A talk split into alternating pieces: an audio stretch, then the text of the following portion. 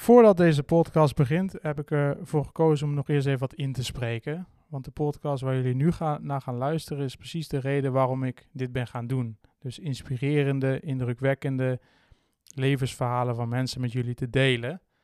En ja, het gesprek met deze gast, Christian, dat is er, uh, dat is er echt zo een wat mij in ieder geval enorm geïnspireerd heeft.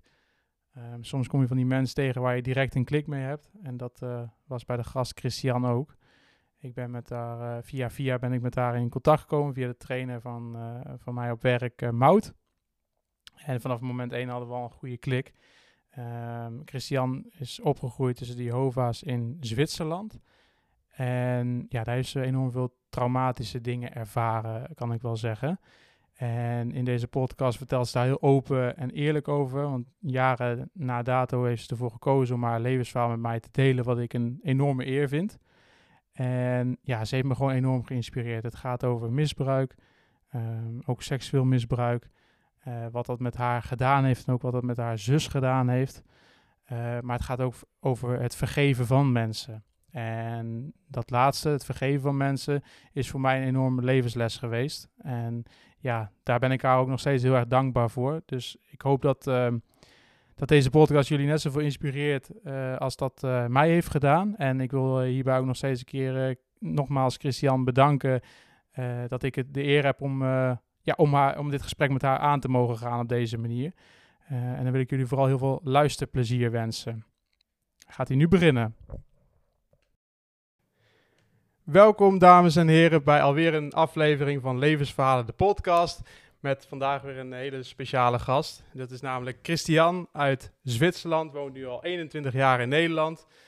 En ze is van haar tweede tot haar dertiende, ja, zat ze bij de Jehovah's getuigen. En ze besloot dus op haar dertiende om het uh, geloof te verlaten.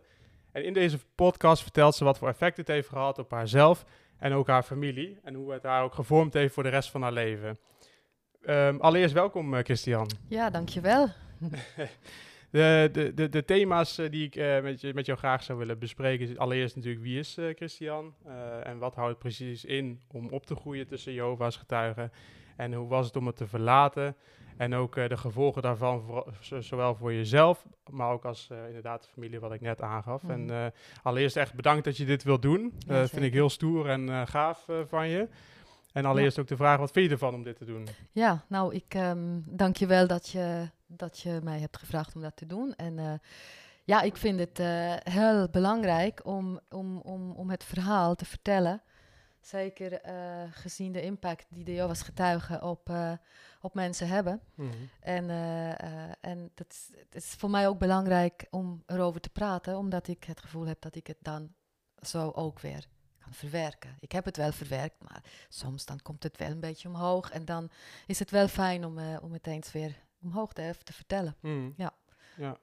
ja, kan ik me voorstellen. In die zin, uh, allereerst uh, even ook om een beeld te geven voor de luisteraars. ja, wie, wie is Christian precies? Ja. Kun je ook iets over je ja, opvoeding vertellen en waar je vandaan komt? Ja, dus zoals je zei, hè, ik ben Christiane en ik kom uit Zwitserland. Ik ben van de Franse gedeelte, dus mijn moedertaal is Frans. En we zijn echter wel in Bern opgegroeid. Dat is dan Duits. Dus ik ben naar de Duitse school gegaan. En um, nou, toen ik twee jaar oud was, hebben mijn ouders, zijn mijn, ouder, mijn ouders uh, bijgetreden bij de Jehovah's Getuigen. Die hebben zich ook laten dopen. Uh, ik weet niet of ik dat goed zeg, dopen. Mm. En, um, en ik ben dus met, dat, met, met deze organisatie opgegroeid. Ik zeg expres niet geloof, want ik geloof daar niet meer in. Mm. En um, en mijn ouders die gingen scheiden toen ik 13 was, ongeveer 12, 13. En ja, en, en uh, daarna ben ik daar ook uh, uit het geloof, of uit, nou, zeg ik het wel, uit, uh, die organisatie gestapt. En um, ja, en dan verder gewoon mijn puberteit doorlopen. En zoals iedere andere puber. En, en gaan werken. En um, toen ik 28 was, heb ik mijn man leren kennen, Herman die uit Amsterdam komt. En nou, toen negen jaar later zijn we dan emigreerd mm. naar Nederland. Dus mm -hmm. dat is 21 jaar geleden. Ja, precies. Dus nu woon je alweer een lange tijd in, uh, in Nederland. Uh, ja. Hoe vind je het? Hoe was het voor jou om even heel iets anders om Ja. van Zwitserland naar Nederland te gaan? Nou, weet je, het is een leuk verhaal. Want eh, ik had al, nog voordat ik Herman leerde kennen, een paar jaar daarvoor, eh, had ik een vakantieliefde. Een, een Nederlander, die kwam uit Maasluis. Die had ik in Italië leren kennen eh, op vakantie. En we waren smoer verliefd. En eh, die ben ik gaan bezoeken Mhm. In Nederland. En, en ik ben gewoon verliefd geworden op dat land. Mhm. Vooral, en dan niet het land zelf, maar gewoon de, de, de, de mentaliteit is zo anders dan, dan Zwitserland. De openheid, ik werd in zijn familie opgenomen. eh, eh, ja, het is gewoon eh, gastvrijheid. En, eh, Oh, echt ja? ja, ja, Oh, echt. ik heb, ik heb niet vaak eh, gehoord dat Nederlanders per openstaan om hun gastvrijheid Oh eigenlijk. ja, ten opzichte van Zwitserland wel. En Oké. dat is dan niet een, dat het ene beter is dan het andere, maar mij heeft dat enorm ge- beïndrukt. En, en ik heb besloten toen, ik weet ik zie me daar nog staan in Maasluis aan die kade, dat ik heb besloten, ik ga hier ooit eens wonen. Hmm. En daarna, alles wat Nederlands was, vond ik interessant. Dus toen ik Herman leerde kennen, hij was toen kelner in een eh, visrestaurant in Bern, in het grootste visrestaurant. En ik ben daar met een vriendin gegaan en hij, de eerste paar zinnen dat hij zei, zei ik, oh, dat is interessant, jij bent een Nederlander. Ik zeg, nou, u hè, u bent Nederlander. Mhm. En eh, eh, nou ja, zodoende. En hij zei, nou ja, dat klopt, word niet verliefd op mij. dat is zo leuk. ja, en toen hij zei, hij zei vrij snel, "Ah, ik blijf niet in Zwitserland, hè, ik ga ooit terug. En ik zeg, ja, graag. Ja, Dus zodoende. ah, leuk. Ja. Leuk. Dat is echt een, eh, een verhaal voor in, de, voor in films bijna, Ja, zou je zeggen. En het mooie is, als we dan heel even daar nog verder gaan. Ik heb die, die, die jongen die ik dus, eh, die, die vanuit Maasluis, die zijn we dan gaan bezoeken later. Mhm. En we hebben contact. Dus dat is echt, eh, ja, is dat echt is een soort memories verhaal. Ja, dat is echt mooi. Ja. Ja, dat is, dus dat is even meer de achtergrond ook van, van, van jou uit. Ehm, nou, van, vanaf je tweede tot je dertiende hè, zat je dan via je, je gezin dan bij de Jehovah's getuigen. Hoe, hoe was dat? Of nou, dat is ook eerst een andere vraag. Eh, wat houdt dat geloof precies in? Ja, nou, de Jehovah's Getuigen, dat is een organisatie eh, die geloven dat hun religie de ware is. Ze noemen het ook de waarheid, eh, la vérité. dat is, eh, ik heb het natuurlijk in Frans eh, meegemaakt.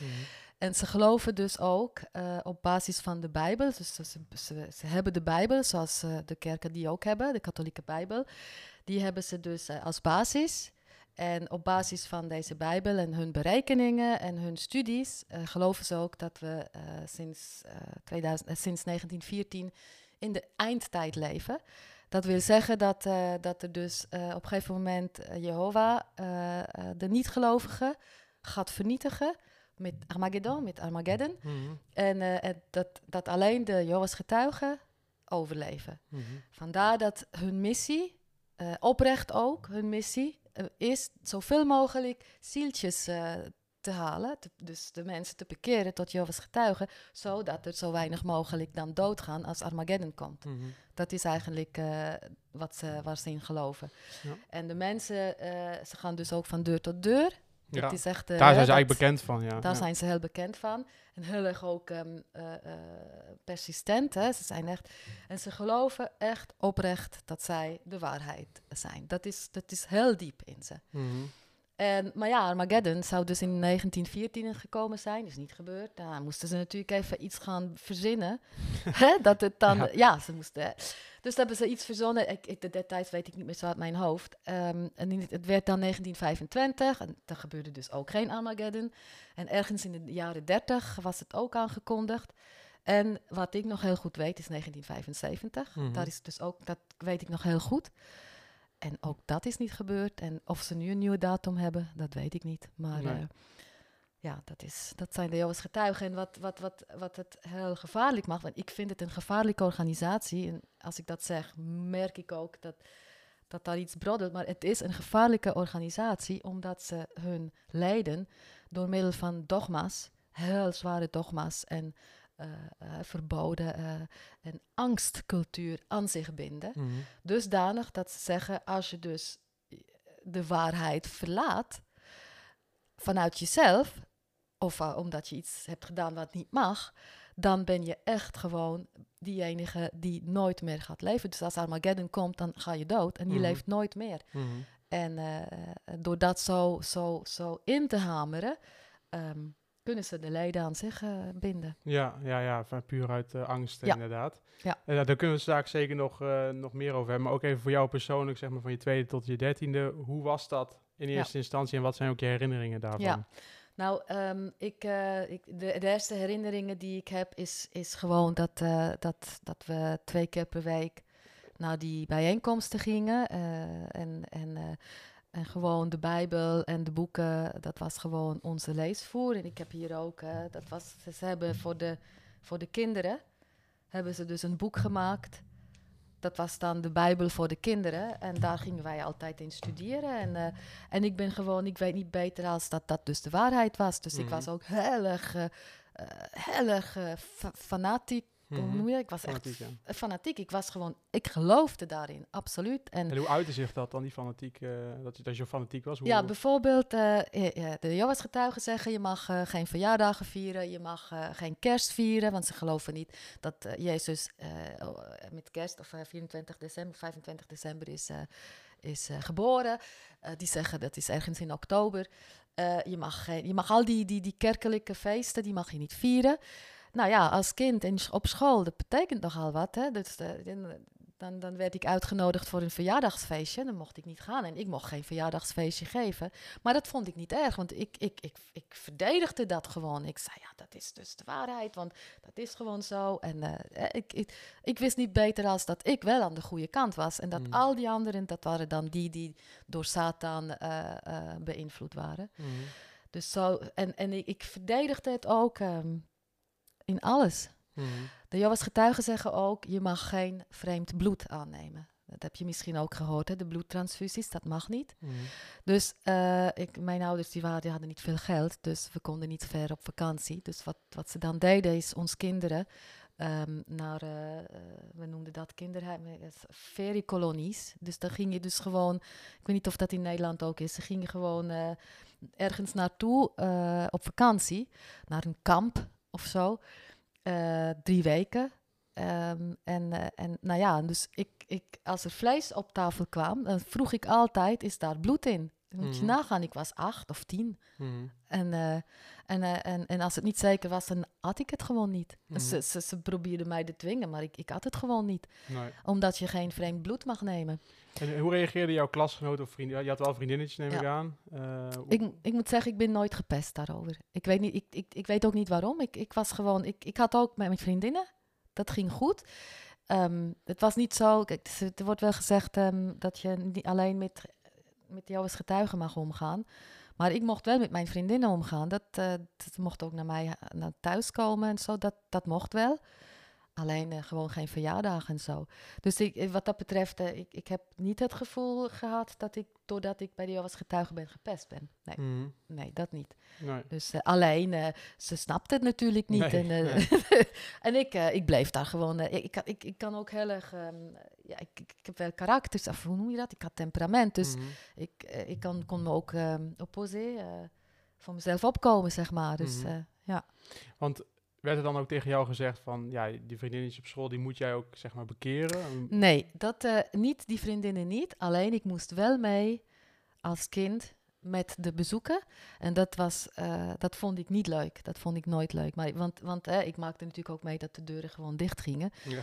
En eh, ze namen natuurlijk de kinderen mee om, om, om, om een beetje medelijden te kweken. Dat de deur dan Mhm. niet meteen dicht gaat. Mhm. Ehm, ik vond het niet zo leuk, maar ehm, ik, ik deed mee. En eh, op een gegeven moment, op een bepaalde leeftijd, want je moest je in die bijeenkomsten moest je ook altijd eh, eh, een, een discours houden, hoe noem je dat? Gewoon ging je spreken. Spreekbeurten, zeg maar, over de Bijbel. Hè? Want je ging natuurlijk studeren, want die, die bijeenkomsten, dat waren dus eh, eh, over praten. Maar je moest natuurlijk ook studeren. Iedere dag moest je, moest je gewoon in de Bijbel studeren. En dan ging je in die bijeenkomsten, ging je dan gewoon een, een, een, een, een hoe heet dat, een, een, een voordracht geven eh, over iets wat je had bestudeerd. En ik, was, ik wilde zo graag dat ook gaan doen. En dat was ook dat je dan... Soms was het gewoon één persoon die praatte tegenover, die, die, die stond daar en die praatte tegen, eh, tegen de, de leden. Maar je had ook een tafel, met, daar hadden we met z'n vier of met z'n zes of zo. Dan gingen we gewoon studeren samen. Dan gingen we Mhm. samen discussiëren over een bepaald thema van de Mhm. Bijbel. Ja. En dat wilde ik zo graag. En de eerste keer dat ik dat mocht, oh, ik vond het zo prachtig. ja, al- als je het mij zo vertelt, ik zou het ook nog best wel interessant vinden eigenlijk. Dat is nog wel redelijk, eh, ja, onschuldig, zeg maar. Ja, niet als je weet waar je over praat natuurlijk. Nee, nee, oké. Je, ja, dat dat, is, eh, eh, dat, dat is waar. Ik kan me ook herinneren dat ik mijn, ah, dus mijn moeder en mijn vader die waren lid, maar die waren dus ehm, toen ik twee jaar oud was, hebben ze mijn moeder dus overtuigd om lid te worden. Dan moet je misschien even als, als achtergrond ook weten dat mijn moeder die is in een liefdevolle familie opgegroeid. En mijn vader niet. Die is in een angst, eh, die is ook mis, misbruikt, weet ik maar in ieder geval mishandeld Mhm. opgegroeid. En toen ze elkaar leerden kennen, mijn vader is, was alcoholist toen al. En toen ze elkaar leerden kennen, was eigenlijk niet de bedoeling dat, dat ze meteen zouden samenkomen. Maar ze, ze, ze maakte mij, dus mijn Mhm. moeder werd zwanger van mij. En eh, ze, ze was ook niet, dat was in die tijd was dat gewoon een ramp, weet je. Gewoon zwanger raken, niet, niet getrouwd zijn. Zij was 18. Dus ze moesten gaan trouwen. Mhm. En toen zijn ze dus naar Bern verhuisd. Dus mijn moeder die was gewoon op een, van één dag op de andere gewoon helemaal alleen. In een omgeving waar ze niemand kende. Mhm. De hele familie was in, in, in Montreux, in de Frans gedeelte. En mijn vader was dus gewoon niet lief. Nee.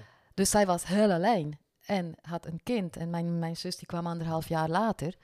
En ehm, die werd dus eh, een half een, hal- ja, dus die was ehm, anderhalf. Die was, toen ik twee was, was zij anderhalf. En toen kwamen ze dus aan de deur, weet je, die Mhm. was getuigen. Het waren lieve mensen van mijn moeder. En die, die, hebben dat, die zijn zo goed. Die hebben dat gewoon door. Die, die zagen dat mijn moeder ongelukkig was. Ze was heel ongelukkig, alleen. Ja, en dat is natuurlijk een gevonden slachtoffer. Mhm. Dus mijn moeder eh, die vond het heel fijn om mensen te leren kennen die dus blijkbaar begrip hadden voor haar situatie en haar zeiden, ja, we kunnen jou helpen als je daar lid wordt. En, eh, eh. en mijn vader die is dan eh, ook daarbij getreden, want het was vooral mijn moeder die, ehm, die, die, die daarbij is ge, getreden. Ja, dus als eerst de moeder en toen de, de En vader. mijn dan vader, ja. Want even voor de beeldvorming, wat voor werk deden jouw ouders? Mijn vader, mijn vader die was eh fijnmechaniker. Fijnmecha, fijnmechaniker, dat, die, eh, mechanicien. Dat, die werkte in een fabriek, in een Mhm. oogfabriek, die delen maken, nee, in een fabriek die delen maken voor oogapparatuur voor opticiens. Ah, oké. En, eh, en dat, die fabriek was dus in Bern. En mijn Mhm. moeder, die, was, eh, die had een, een eh, opleiding als postambtenaar. Maar die stopte natuurlijk omdat ze zwanger werd. Mhm. En mijn moeder die heeft dan niet gewerkt, die was huisvrouw. En, en eh, ja, dat. En mijn vader, mijn vader die heeft altijd gewerkt. En eh, mijn moeder, die, ja, er was weinig geld. Dus op een gegeven moment ging ze ook klusjes aannemen. Mhm. En eh, ja, dus ik heb een zus nog en een broer. Ik had een zus, die is overleden. Daar kan ik misschien later over iets Ja. zeggen. En, en een broer. Ja, oké, dus dat was een beetje de beeld. Dus, dus jouw, jouw moeder was wel met de klussen en zo heel veel thuis. Dus toen kwamen die Jehovah's aan de Ja. deur en die waren heel aardig, Ja. sowieso.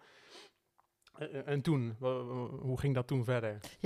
Nou, en toen, eh, dus, toen werden ze dus lid. Hè, dus ze begonnen met die studies. Hè, want ze moeten jou natuurlijk even Ja. overhalen. Ja, ja. En, er- en, en er waren echt heel aardige mensen. Dat, eh, ik kan me dat ook nog herinneren. Nou, die niet met twee, maar ik leerde ze natuurlijk kennen, want dat, die, die, die werden, dat werden ook vrienden van, van de maar familie. die vond je ook oprecht aardig. Dus niet ja, ik alleen vond ze aardig echt op, ze iets nee, nodig ik vond hadden. ze oprecht aardig, absoluut. ja. En, eh, en ik, ik kan me nog aan, vooral aan één man herinneren, eh, ik ga geen namen noemen.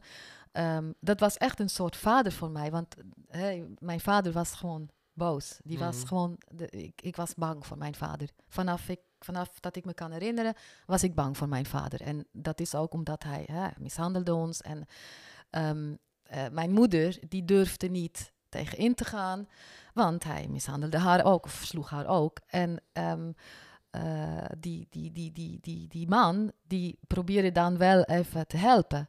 Want dat is wat ik in het begin zei, volgens mij zei ik dat, dat ehm, oh nee, de, de, de, de, de organisatie is zo dat eh, per gemeente, dus de gemeente, dus de bijeenkomsten, dat zijn dan een aantal mensen, ik weet niet, 50 mensen of zo, of 100.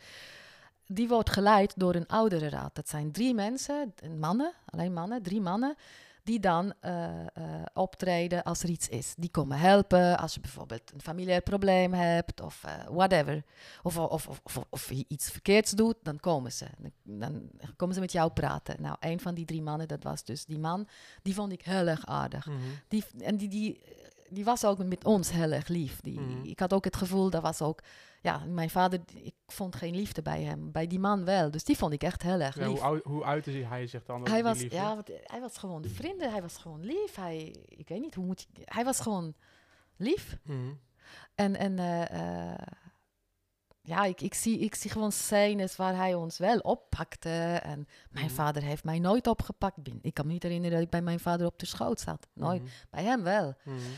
Ik heb ook over la- lang over nagedacht of hij mij heeft mishandeld, maar volgens mij niet. Ik weet wel, ik zie nog scènes voor me dat ik in bed ben en dat hij naast mijn bed komt zitten om mij te vertellen ehm, dat ik niet mag masturberen.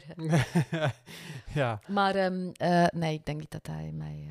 ik denk het niet. nee, Maar in want- ieder want- geval- Want, waar je op doelt is misbruik. Want eh, Ja. er zijn natuurlijk veel signalen altijd naar buiten gekomen van veel kindermisbruik. En, en het zou een, een, een walhalla voor Ja. pedo's zijn. Eh, dus dat is, dat is waar je op doelt. Ja, waar ik op doel. Mijn vader heeft mij misbruikt, dus dat is ook een Jehovah's getuige natuurlijk. Dus, Mhm. Maar niet anderen, dat kan ik me niet herinneren. Nee. Nee. Ik vond hem gewoon heel erg aardig. En ik weet ook nog, kijk, en de- de- mijn vader, die was een alcoholist, die rookte. Mhm. Hij sloeg. Hij was niet goed. Hij, eh, alles wat God zegt wat niet mag, of Johan zegt wat niet mag, deed hij. Mhm. En daar kwam hij mee weg. En dat, eh, eh, dat was raar. Maar in, in, eh, dat, dat begon ik dus pas te beseffen toen, toen ik ouder werd, toen dat met die scheiding begon. begon. Mhm. Maar tot die tijd was het gewoon, het was mijn wereld. En ik, ik weet ook nog, Sœur Berger, dat was ook, dat was zo'n lieve vrouw. Dat was, die was, dat was een buurvrouw van ons. En eh, eh, eh, als mijn moeder dus weer een klusjes moest gaan doen, dan mochten wij bij hun terecht. En ik was heel graag bij hen, bij beide. Er was een familie ook met drie kinderen, die waren ook jou als getuigen. Die waren ook zo lief met ons. Er was liefde. Mhm. Bij ons thuis was gewoon angst. Mhm. Dus, en, en dat, het waren lieve mensen. Mhm. En dat kan ik nu ook als volwassen persoon zeggen na zo'n lange tijd. De mensen die jou als getuigen zijn, dat zijn, die, die weten niet beter. Nee. Die hebben de beste intenties met jou. Die willen jou redden. Die willen dat jij gewoon Armageddon overleeft. Mhm. Dus dat waren wel lieve mensen. Want jij gelooft dat ze dat, de, of de meeste, dat eigenlijk, eigenlijk is je boodschap van je, je bent niet eh, negatief of wat dan ook tegenover eh, alle Jehovah-getuigen. Jij denkt eh, dat, oprecht, dat er heel erg veel oprechtheid is Ja. tussen die mensen. Dat, Oprechtheid in de zin van dat de oprechtheid van, van dat ze willen dat ze, ze willen jou redden. mhm. Maar oprechtheid is natuurlijk de organisatie. Ik neem het enorm kwalijk aan de organisatie. De organisatie is gevaarlijk. Mhm. En de organisatie, dat is ehm, sinds ze bestaan, eh, eh, is er een, een eh, die komt uit Amerika, hè, die Russell, Russell heeft die organisatie gesticht ergens eind 19e eeuw. In New York, toch? In, ik weet niet of hij in New York, maar de, de, de hoofdzit, hoofdkantoor is in New York. Ja. En die Russell die heeft dus de Bijbel gestudeerd en die kwam erachter, de Bijbel, de, de, de Mhm. officiële Bijbel, en die kwamen dus achter toen dat er op basis van berekeningen, dat dus in 1914 Armageddon gaat komen. Hè? In de Bijbel heet dat de openbaring, toch? Volgens mij in de Bijbel. Ja, hè? dat zou Dus, goed eh, kunnen, ja. ehm, Of dag des oordeels. ja, zoiets, ja. ja. En, open, ja. En, ehm, en die had dat berekend. Dus die, eh, eh, en, en dat was de intentie van hem, was natuurlijk om ervoor te zorgen dat, eh, nou, dat, dat, dat, dat men dat overleeft, zoiets. En gedurende de jaren, zeker nadat dat dus niet is gebeurd, is die organisatie gegroeid. En die bestaat dus uit een, ze noemen dat het besturende lichaam. Dat zijn negen mannen, volgens mij. Negen, dacht ik. Die zeggen dat zij een directe draad hebben met Jehovah. Mhm. Dus die praten met hem, direct. Dus alles wat zij beslissen, en de, de, de dogma's, hè, ik noem het echt dogma's, dus de wetten en waar je aan moet houden, wat je moet doen en wat je niet mag doen, dat wordt hun verteld door Jehovah zelf. Dat Ja, is wat, wat ze zeggen. even, misschien een domme vraag, maar wat is, wie is eigenlijk Jehovah? God, Dat is gewoon... dat is God, alleen het is, eh, ja, dat, weet, dat kan ik dan misschien te weinig, eh, dat weet ik echt niet meer zo goed, waarom ze dan Jehovah zeggen en niet God. Volgens mij is God dus omdat God van alle religies is, maar zij zijn de ware. Mhm. Dus Jehovah is, eh, is, is de ware. Oh, die fiets. Ja. Ehm, en nou ja, dus dat besturende lichaam, dat zijn diegenen die alles bepalen. En, en ook als je dus iets doet, al die, die, die oudere raad van over de hele wereld, die drie mannen voor, van iedere gemeente, als er iets is, dan moeten ze dat daar eh, aangeven. En dan eh, wordt daar bepaald eh, wat er gebeurt. Dat is, die bepalen de wetten. Maar dat zijn negen mannen, dat Mhm. zijn mensen. Mhm. Die zeggen dus dat ze met Jehovah praten. Ja, Dat is maar eh, eh, ehm, dan ben ik wel benieuwd. Hoe, hoe, hoe zou dat dan daadwerkelijk gaan? Denk, denken die negen mannen dat, dat dan echt? Of, of is dat puur omdat ze gewoon van macht houden? En heel goed. Ja, wat zou het zijn? Ja, dat wat je zegt, het tweede. Ja. Kijk, ik heb, eh, ehm, ik denk, de meeste Jehovah's getuigen die dus in die bubbel zijn nu, die weten helemaal niet hoe dat werkt. Die weten gewoon, eh, de Bijbel, die overigens herschreven is, heel veel is aangepast hè, Mhm. door, door dat besturende lichaam gedurende al die jaren. Die weten dat niet. Die weten gewoon, nou, dat, zijn, dat is de Bijbel. Die krijgen elke twee weken of één keer per maand komt eh La Tour de Garde. Dat is ehm, de wachttoren. Dat is zo'n zo'n krantje. En Reveillez-vous, dat is eh Erwachet. Dat, eh, ik weet niet hoe dat in Nederlands heet. Het zijn gewoon twee krantjes Mhm.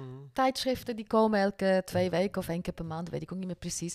En daar wordt gewoon weer een, een, een thema besproken van de Bijbel. En dat is hun waarheid. En, dat is, en, en, en, en daar staat ook bijvoorbeeld, hoe moet je omgaan met, eh, als bijvoorbeeld als je, ehm, eh, als je kind pubert. Mhm. Of hoe moet je ermee omgaan als je dus, eh, als iemand jou vertelt dat de Jehovah's getuige niet waarheid is. Mhm. En dan, eh dat is echt een soort eh, eh, opvoeding. Mhm. Het is ook zo dat de mensen eh, die Jehovah's getuigen zijn, er wordt ook eh, aan ze gevraagd om niet te gaan studeren, niet naar de universiteit te gaan, want dan word je te intelligent. Ja, wat zou daar dan de echte reden achter zijn, denk Ja, jij? dan, dan, dan word je dus, dan ga je misschien over nadenken en dan ga je ze misschien doorzien.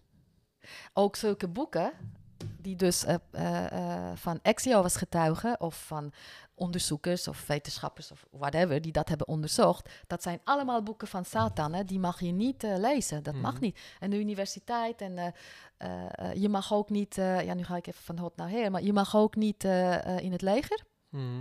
Want je zou, je, je, je, eh, je je, je, eh, ehm, oh, hoe zeg je dat? Je volgt Jehovah en niet het land. Mhm. Hè? En eh, zo zijn er nog meer van die dingen. En eh, hoe je mee moet omgaan, eh, ja, dat... ah, bloedtransfusie, dat mag niet, hè? Je mag geen bloed van anderen nemen, hè? Dus bloedtransfusie, je moet ermee... Ja, mijn, mijn, hoe, hoe ga je daarmee om? En ehm, het besturende lichaam, om op je vraag terug te komen... Dat zijn die die dus die wetten bepalen. Mhm. En je zou kunnen denken dat die dus dat echt eh, eh, eh, oprecht en vanuit hun geloof doen. Dat is niet zo. Dat is gewoon, op een gegeven moment hebben ze de macht. En als je macht hebt, dan wil je die macht niet meer kwijt. Nee. Dus in dat boek eh, wa- wa- wat, ik hier voor me heb van Raymond Frans, dit is, dat is iemand die was dus in het besturende lichaam. En die, die was oprecht, geloofde die Mhm. in de waarheid, in, in die waarheid. Maar die maakte dus mee hoe dus de wetten gemaakt werden. Die maakte mee dat dat niet, eh, dat, dat als iets gebeurde, dan moesten ze dus die wet aanpassen, omdat het niet meer paste. Of, of, of er gebeurt iets in de wereld en dan moesten ze daar een, een mening over hebben. Dat stond niet zo in de Bijbel. Mhm. Maar als, dat, als ze dat dan, zoals in de Bijbel staat, hadden gezegd, ja, dan zou dat niet goed zijn voor de waarheid. Dus gingen ze gewoon aanpassen, Ja, wat goed uitkwam. eh. wat goed uitkwam. Maar nog heel even terug, hè. Eh, je had het net over Satan. Wat is Ja. eh, Satan volgens het Jehovah's getuige? Is het echt een, een man met horens? Of, of hoe... Nee. als, zoals ik me he- kan herinneren en zoals ik het ook als kind heb geleerd, is Satan in principe gewoon de engel die de appel aan Eva heeft gegeven. Ehm, en die dus, het was een engel. Een Ja, engel die eerst eh, in, bij, bij Jehovah was hè, en, Mhm. en met alle andere engelen in de, in de hemel, die dan eh, eh, zich heeft afgewend van Jehovah. En, die heeft, en, en, en, en het doel van Satan, dat is gewoon een engel, dus dat is niet met hoornen. Dat wordt, Jehovah is overigens wordt ook niet als, dat wordt ook niet in de Bijbel als man afgebeeld. Het, je ziet altijd alleen een hand, zeg maar, Mhm. nooit een gezicht. nee. Ehm, en die Satan, die, ehm, zijn doel is dus, volgens de Jehovah's getuigen, dat hij zoveel mogelijk voorkomt dat je Jehovah's getuige wordt. Mhm.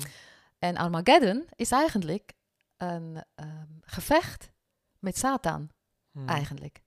En alle, dus die, alle die dus eh, eh, niet Jehovah's getuigen zijn, die, die, die, die zijn dan bij Satan, die, die gaan dan dood. Ja. Dat is, ja, want eh, de- bij de Jehovah's tuigen is ook dat zeg maar, er maar een, een, beperkte ruimte is voor een aantal mensen die, die daarin mogen, in, in, niet de hemel zijn. Ja. Maar, ehm, nee, kun je je zegt, daar eens iets over, over ja, uitleggen? dat kan ik je vertellen. Ja. Eh, ehm, ze hebben, ze zeggen dat er 144.000 mensen in de hemel komen met Armageddon. Dus als Armageddon komt, dan komen 144.000 mensen in de hemel sinds Jezus. Dus 2000 jaar geleden. Hè? Sinds Jezus, volgens mij was het vanaf 33 jaar na Jezus.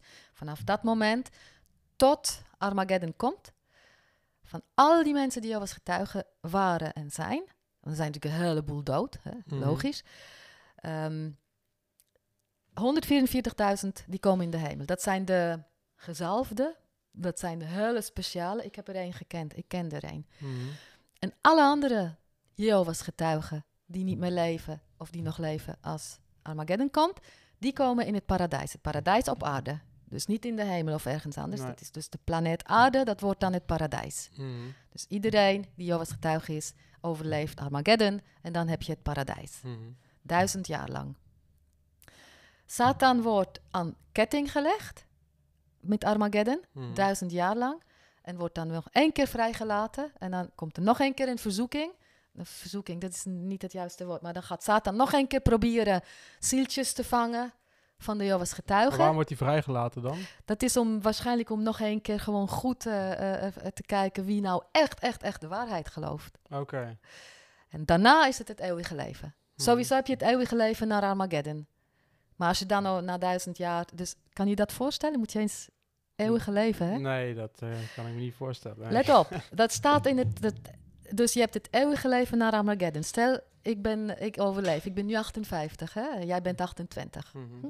Nou, dus eeuwige leven. Je leeft eeuwig. Nou, iedereen, dan, stel dat dat misschien... eh, volgens mij zijn er op dit moment 8 miljoen eh, over de wereld. Ja, 8 miljoen eh zoiets, Jehovah's getuigen. Maar ja, sinds de 19e eeuw, sinds, 18, sinds dat begon... zijn natuurlijk een heleboel Jehovah's getuigen overleden. Nou, die worden allemaal resuscité, her, herboren, her, herleefd.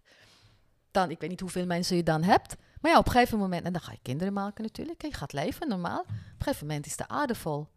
Dan maak je geen kinderen meer. Mhm. Zijn er geen kinderen meer? Dat klopt toch niet?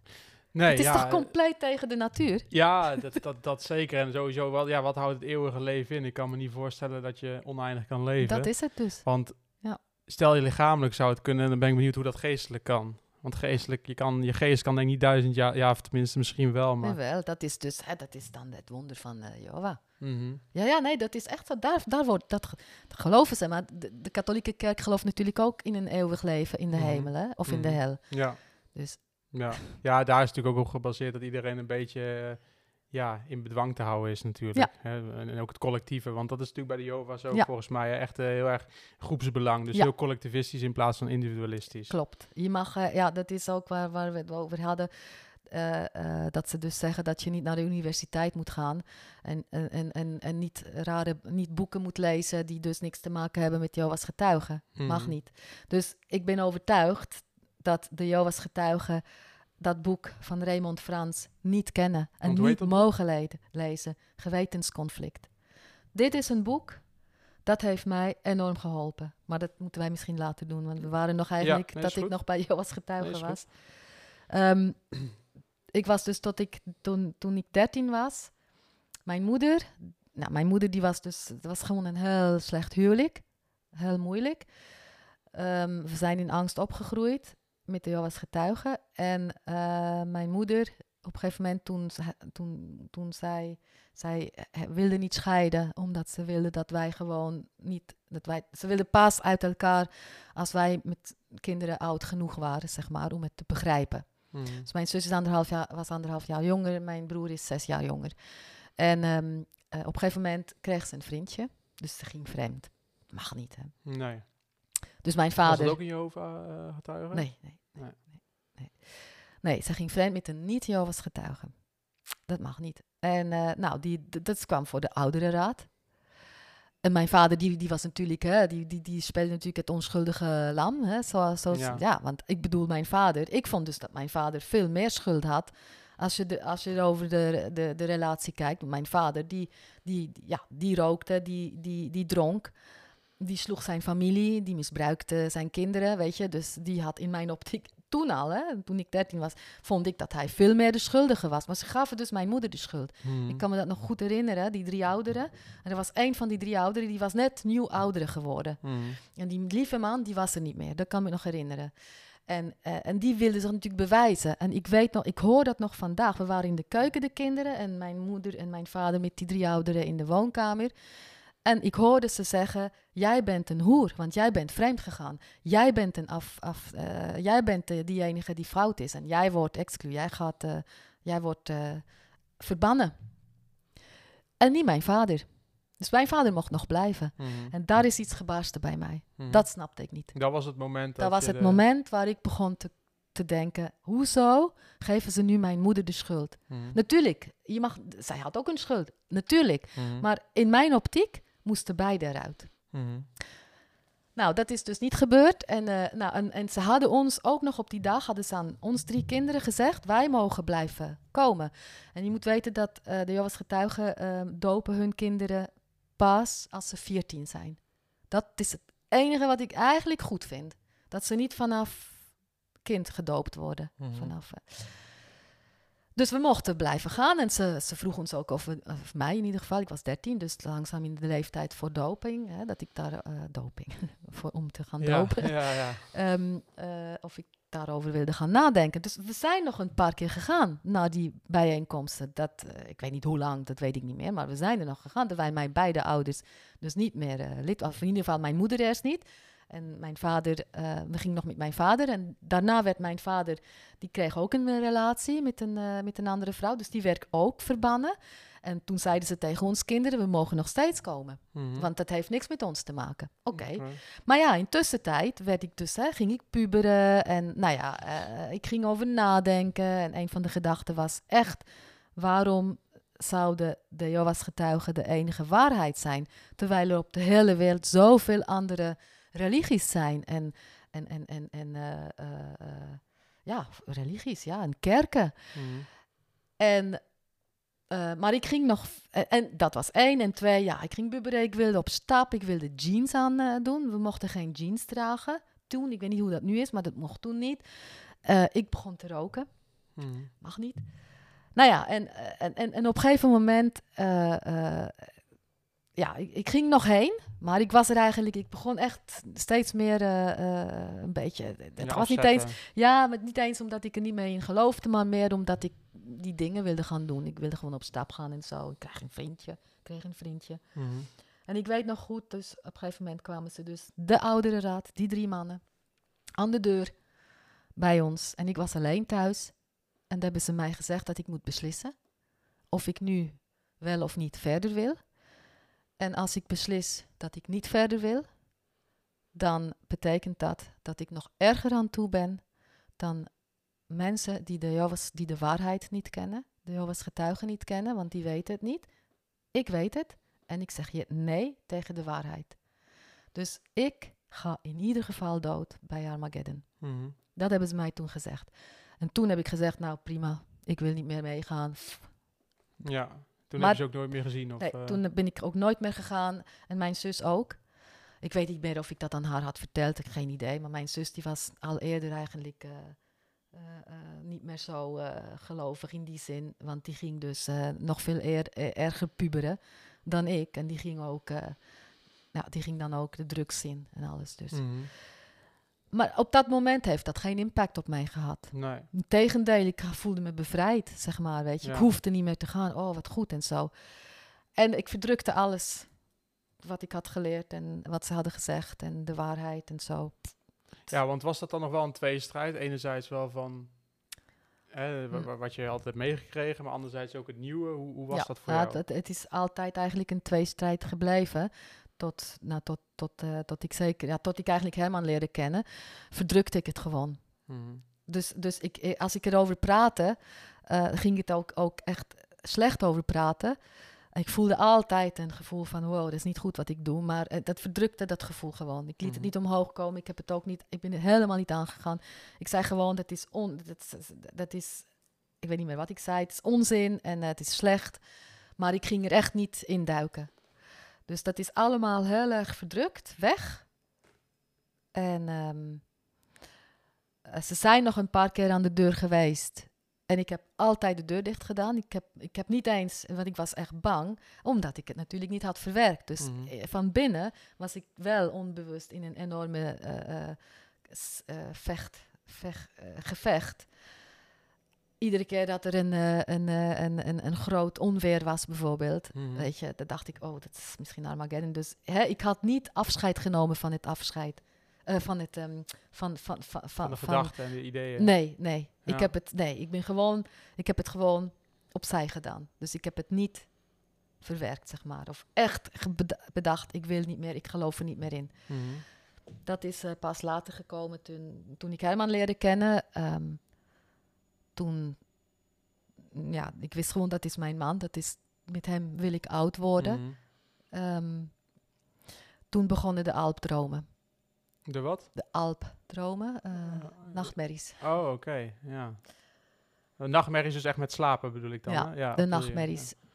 ja. Want zo, zo is het begonnen. Want eh, het, het, het, het heeft natuurlijk wel een enorm impact gehad, dat wat ze hebben gezegd. Maar dat had ik natuurlijk niet door. Maar dat kwam, Dus die onderdrukking van jarenlang kwam er eigenlijk uit op die manier. Op, eh, ja, aan die kwam van- uit door de nachtmerries. Ja. De nachtmerries waren zo heftig ehm, dat ik dus schreeuwde. Ik, werd, ik, ik, ik droomde dat ik dood ging. Hè. Meestal was het dus Armageddon en ik ga dood.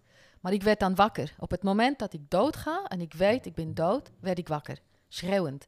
En ik kan die schreeuw niet namaken. Herman die zei, die, die, die, die, is- dit is, dit is dier, dierisch. Dit is, ja. ja, heel dierlijk. want ik had in de ochtend ook ehm keelpijn. Mhm. En ik ging dan als een furie schreeuwend door de hele woning. En ik werd wakker aan de reling van de balkon. Daar werd ik dan wakker. Ja. En Herman eh, achter mij en helemaal in paniek. En dat gebeurde een paar keer. En daar heb ik besloten, ik moet hier iets mee. Dat is natuurlijk niet normaal. Nee. En daar ben ik begonnen met therapieën. Ik ben begonnen met kinesiologie. Dat hielp een beetje. En daar heb ik namelijk beseft, begrepen dat dat mensen waren. Die drie mannen die mij hebben gezegd dat ik Armageddon niet ga overleven, dat waren mensen. Dat was niet Jehovah. Dat Nee. waren mensen. Dat hielp al. Die mensen, hoe weten die dat ik dood ga?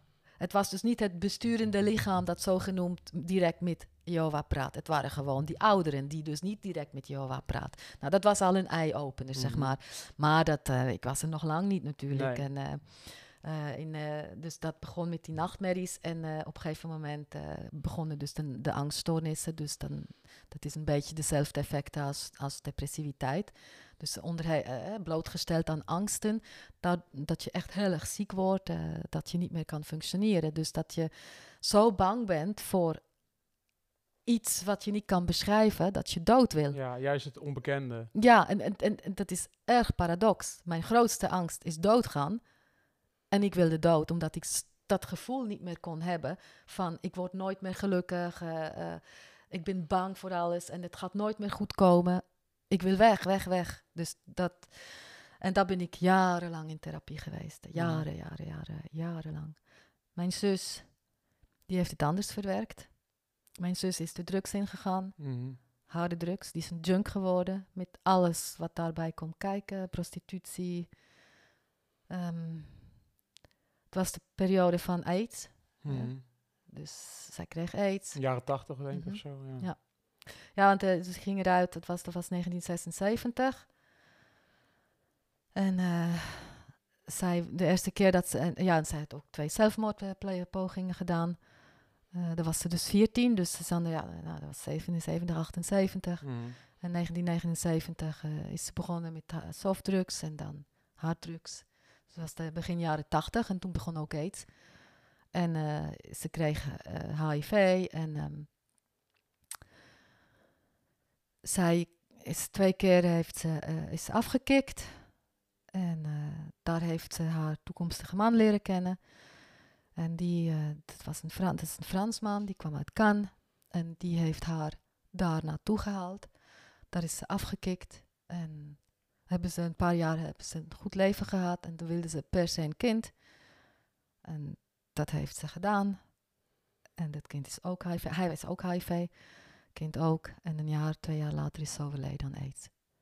95 was dat. Zo. Dus die is, die heeft het zo Ja, dus die, die, maar verwerkt. die, dat, of niet verwerkt. dat, dat had er echt wel mee, mee met de opvoeding ook te maken. Ja. Die had ook haar trauma's en Ja. dingen. En Ja. ook vluchtgedrag in principe om het te uiten. Ja, ik weet niet, in, ik, ik, kan, ik, kon- ik kon haar nooit vragen, was het meer vanwege, de, ehm, vanwege mijn vader, want die heeft haar ook misbruikt, of was het meer de Jehovah's getuige? Dat weet ik niet. Want beide ze- heeft een enorme impact. Mhm. Ja. Overigens wil ik wel iets, dat vind ik heel, heel belangrijk, over mijn vader. Ik heb mijn vader ge- gegeven, hè? dus dat, Ja. ik vind dat heel belangrijk, dat, dat ik dat in ieder geval, mocht ik dat vergeten te zeggen. Ik vind het heel belangrijk om dat te zeggen. Ja, tuurlijk. Ja, maar dat, dat, daar, daar, volgens Misschien mij begint, daar nog, begint, daar, begint daar ook eh, het, het verwerken, toch? Eh, met het vergeven. Dat is zo, want toen ik, ehm, toen die, al, die eh, nachtmerries waren begonnen, ehm, dat was nog voordat ik de eerste angststoornis aanval had. Toen eh, eh, mijn, eh, had ik geen contact meer met mijn vader. Hè? Dus eigenlijk vlak na de scheiding, toen, ze, toen ze uit elkaar gingen, mijn ouders, ging ik om de twee weken gingen de kinderen naar hem toe in het weekend. En daar waren dus ook die misbruiken ook. Dus ik wilde daar niet meer heen, zonder te kunnen zeggen waarom. Ik heb mijn moeder een brief geschreven. Ik kon, het niet, ik kon er niet over praten, maar ik heb het in een brief geschreven. Mhm. Dat ik daar niet meer naartoe wil vanwege dit. Dus ik hoefde niet meer daar naartoe. Maar mijn zus is nog blijven gaan. Mijn zus die was gek op mijn vader. Waarom weet ik niet, hè? Mhm. Stockholm-syndroom of zo, ik weet het niet. Maar ehm, ik had daarna geen contact meer met hem. Dus, en, ehm, dus dat is, hè, we praten dan van 1978, zoiets, 79, tot ik Herman leren kennen, 1991. Dus twaalf jaar later. Ehm, het- al die tijd had ik min of meer geen contact meer met mijn vader. En eh, toen Herman, die was dus kelner, eh, die was daar bij dat visrestaurant. En mijn, mijn vader, die, ging, die kwam achter dat dat mijn vriend was, want die zocht altijd contact met mij. En Mhm. ik wilde het gewoon niet. Maar die heeft het dan zo gedaan. Ik was boos, boos, boos. Ik was zo boos op hem dat hij dus via mijn vriend probeerde met mij contact op te nemen. En, mijn man, weet je, Herman, die, die vond hem oké. Mhm. Die kende mijn verhaal, die stond wel achter mij, maar die, die ging niet tegen hem zeggen, omdat mijn vriendin jou niet wil zien, mag jij hier niet meer komen. Dat kon ook niet. Nee. Dat mag niet. En, en, en die hebben een beetje gesprekken gehad. En, mijn, en Herman, die vertelde mijn vader dat ik dus die nachtmerries had. En mijn vader heeft mij hem, Herman gevraagd of, of hij het voor elkaar kan brengen dat ik met mijn vader, dat hij met mij kan praten. Want Mhm. hij weet waarom ik die nachtmerries heb. Mhm. En hij, wil het, hij zou het heel fijn vinden als ik toch even hem de kans geef om zijn verhaal te doen. En Herman heeft mij overtuigd en dat heb ik gedaan. En het eerste wat hij zei, ik krijg echt kippenvel. Het eerste wat mijn vader zei is: Ik weet heel goed waarom jij die nachtmerries hebt. Dat komt door mij, omdat ik jou heb misbruikt. En dat was voor mij, dat vind ik zo, dat vond ik zo dapper van hem. Want hè, ik, het was nog steeds zo dat mijn vader, ik was bang voor mijn vader, maar ik had hem ook, ik haat hem ook. Hè. Ik, naar een, eh, op een gegeven moment word je ouder en dan ben je volwassen en dan ben je niet meer bang. Maar dan, dan ik, bij mij was het dan, het is omgegaan in haat. Maar ik kon hem ook niet echt haten. Want het was mijn vader. Dat, er is iets wat niet toeliet dat ik ook tegen hem kon zeggen, ik haat je. Mhm. Kon niet. Kon ik echt niet. Maar dat hij, dus ik had ook, het was ook een autoritaire persoon. Hè? Ik bedoel, ik, het was ook, eh, ja. Dus dat hij dat doet, dat hij ehm, eh, zo dapper is en, en dat doet, gewoon vanuit mijn perspectief, want voor hem was het misschien niet moeilijk, dat weet ik niet, maar vanuit, vanuit mijn zichtwijze, die man die, waar ik zo bang altijd voor was, waar ik zo eh, eh, opkeek, hè, die, die geeft iets toe. Die zegt iets wat, wat niet goed is. En waarom zou hij dat gedaan hebben, denk je? Vanuit welke motivatie? De misbruik? Ja, gewoon überhaupt. Ah, dat. ja. Hij, wilde, hij wilde in het reinen komen. Hij, wilde, hij vroeg mij, eh, hij zei, ik, ik kan niet verwachten van jou of vragen dat je mij vergeeft. Maar ik wil je uitleggen waarom. Ik, zou, ik, ik wil je uitleggen waarom ik dat heb gedaan. En, en, en het zou zo mooi zijn als je dat dan, als je mij niet meer mijt. Of ja, als je het probeert te begrijpen. De reden waarom hij het heeft gedaan is, hè, we kwamen in de puberteit, hè, we, we werden vrouwen, mijn zus en ik. En mijn moeder, die eh, had, dat was ook in die periode dat zij dus dat vriendje had. Dus die wilde niet meer met hem naar bed gaan, niks. Dus dat was de reden waarom hij zich dan aan ons heeft eh, vergrepen, zeg maar. En, eh, en hij haalde dus scènes omhoog waarvan ik dacht, die heb ik misschien gedroomd. Die hij dus dan beschreef, wat hij met ons, met mij heeft gedaan. Waardoor ik dus besefte, ja, oké, dus, dus, dus, het is, het is wat is waar, het was geen droom. En het was echt, ik had hem nog niet, kon hem nog niet vergeven, maar ik was meteen zachter geworden. Ik werd mild naar hem toe. Ik vond het zo dapper dat ik zei, dat ik bij dat gesprek zei, ik snap het. En dat heeft mij ook geholpen in mijn proces. De, de um, nachtmerries werden wel, die, die ging niet zomaar weg. Maar het was wel iets wat heeft geholpen met mijn vader. Dus de situatie met mijn vader. Niet Theo was getuige, maar met mijn vader. Ik kon daar, uh, ik kon weer met hem een beetje. Hè, ik had weer contact met hem, niet veel. En uh, hij overleed um, in 99, dus dat was iets van vijf jaar later, vier, vijf jaar later toen zagen wij dus vanaf dat moment dat wij dat gesprek hebben gehad tot hij overleed, hebben wij elkaar misschien twee keer per jaar of drie keer per jaar gezien, zeg maar. Maar toen hij dus overleed, uh, hij overleed aan longkanker, want hij rookte drie pakjes per dag, uh, um, kon ik dus echt, dat was goed, weet je. Uh, de, ik kon afscheid nemen van hem, er was niks meer tussen ons. Dat vond ik heel erg waardevol. Het vergeven, dat was veel later. Dat was ik al in Nederland. Dat ik mijn vader heb kunnen vergeven. Mhm. Mm -hmm. dat, was, dat was hier. Ja. Goh, ja. Ja. Heftig, hè? Ja, wat een verhaal. Maar het is, het is ik, ik wil hier ook uh, heel goed zeggen, dit, het is heftig. Het emotioneert mij natuurlijk ook allemaal. En toch um, uh, voel ik me niet als slachtoffer. Ik ben geen slachtoffer. Ik heb dat verwerkt. Ik, het heeft mij gemaakt tot wie ik ben. Ik ben sterker uitgekomen. Ik ben geen slachtoffer van de Joas getuigen. Mhm. Het zit nog in me. Het zal nooit weggaan, denk ik. Dat kleine stemmetje. Dat zal waarschijnlijk nooit weggaan. En, en het, is, het is zo. Mm, het is wat het is. Ja. Want dat stemmetje waar je het over hebt, uh, wat zegt dat dan precies tegen Ja. je? Nu ook, hè? Ja. Nou, ik heb nog niet gezegd... Ja, ik heb een paar keer nu gezegd dat het een ge ge gevaarlijke organisatie is. ja. Die echt gevaarlijk is. Um, als ik dat zeg, dan voel ik wel iets. Hier. Uh, onbewust.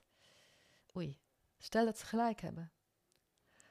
En dan, uh, wat ik dan doe in zo'n situatie, is gewoon, nou, ik kijk nu naar dit, hè, ik kijk nu naar dit boek, want dat boek, dat heeft, mij, dat, is, dat heeft mij enorm geholpen. En dan besef ik, oh ja, oh ja, nee, natuurlijk, nee, nee. Nee, dat is een organisatie. Je weet toch wat je alles hebt meegemaakt. En dan gaat dat stemmetje weer weg. Ik ben nog niet zo ver dat ik dat stemmetje kan. Weet je, ik moet het accepteren. Mhm. Dat, wil, dat, dat is dus ook mede waarom ik bijvoorbeeld dat, uh, dat gesprek nu aanga ook. Um, want als ik me hoor praten en als ik dan weer vertel hoe bizar het allemaal is en hoe, Mhm. hoe, hoe onzinnig dat allemaal is. En echt, als je die, die, het is gewoon, het is gewoon bullshit. Mhm. En dat, dat uh, nou, dan gaat het stemmetje weer. Uh, Ja. ja, maar dat blijft dus. eh, Ja. Je hebt daar tot op zekere hoogte heb je geaccepteerd dat dat er is. Ja. ja, het is, Dat ja. is jouw eh, kopingsmechanisme. Ja, zoiets, ja. En ik ben beschadigd natuurlijk. Hè. Ik, ik kan niet meer uh, leven zonder medicijnen. Dus uh, het heeft mij ook beschadigd. Mhm. Alleen, ik, ik ben geen slachtoffer. Nee. Ik doe mijn leven, ik leef goed, ik ben gelukkig, ik zit lekker in mijn vel. Ik heb een hele lieve man, lieve vrienden, een goede baan, ik ben gezond. Ik heb um, uh, uh, mijn moeder heel veel. Hè, mijn moeder, dat is altijd goed geweest. Met mijn broertje heb ik een goede relatie. Ik ben geen slachtoffer. Nee. Nou ja, dat, dat, dat vind ik sowieso heel dapper en stoer dat je dat op die manier interpreteert natuurlijk. Want uh, voor, voor je mindset helpt dat, kan ik me voorstellen dat dat heel erg ja, helpt. Het helpt enorm, ja. ja. Zo ja, en um, een behoorlijk verhaal. Ik uh, ben er zelf ook al een beetje uh, stil van natuurlijk. Um, ja. de, de, de keuze hè, die je gemaakt hebt, of, en ook je moeder eigenlijk een beetje beide, om dan het geloof uh, te, te verlaten, heeft enorm impact gehad. Um, dat dan toch de vraag, als, natuurlijk als ik, als ik je verhaal voor hoor, denk ik van niet, maar heb je, heb je wel eens een vorm van spijt gehad van, van die keuze?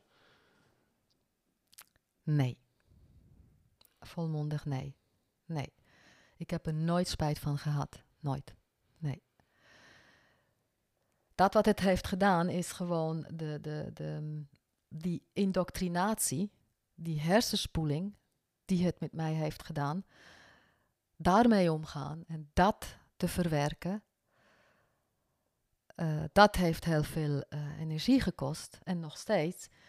En de beschadiging, ja, dat is uh, maar geen.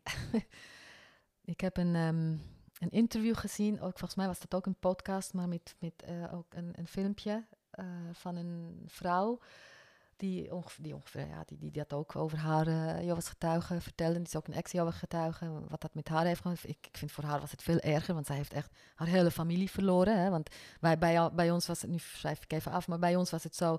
Ik ben natuurlijk mijn ouders waren eerst uitgetreden en mijn hele andere familie waren niet lid van de Jehovah's Getuigen. Dus Mhm. toen ik stopte, toen ik uitstraat, stopte met, eh, met, met Jehovah's Getuigen, had ik mijn moeder nog natuurlijk. Met mijn vader had ik geen contact meer, met mijn moeder had ik natuurlijk nog. En al mijn familie ook. Dat meisje of die vrouw, die vertelde dus dat ze, en dat is bij heel veel zo, die dus eh, eh, weggaan, dat ze dus echt ook haar hele sociale omveld heeft verloren. Mhm. En die zei, geen haar op mijn hoofd die toelaat dat ik terug ga. En dat voelde ik. Ja. Zo voel ik ook. Ook al heeft het jou beschadigd, ook al zit je soms nog mee, nooit meer. En ik ga nog verder. Ik zeg, ik ga nooit, nooit, nooit meer, of nooit, ik ga nooit een, een eh, religie aannemen. Of lid worden van een kerk, of van nooit. Ik ben ook niet, ik ben, eh, ik, ik was katholiek getra- eh, getrouwd.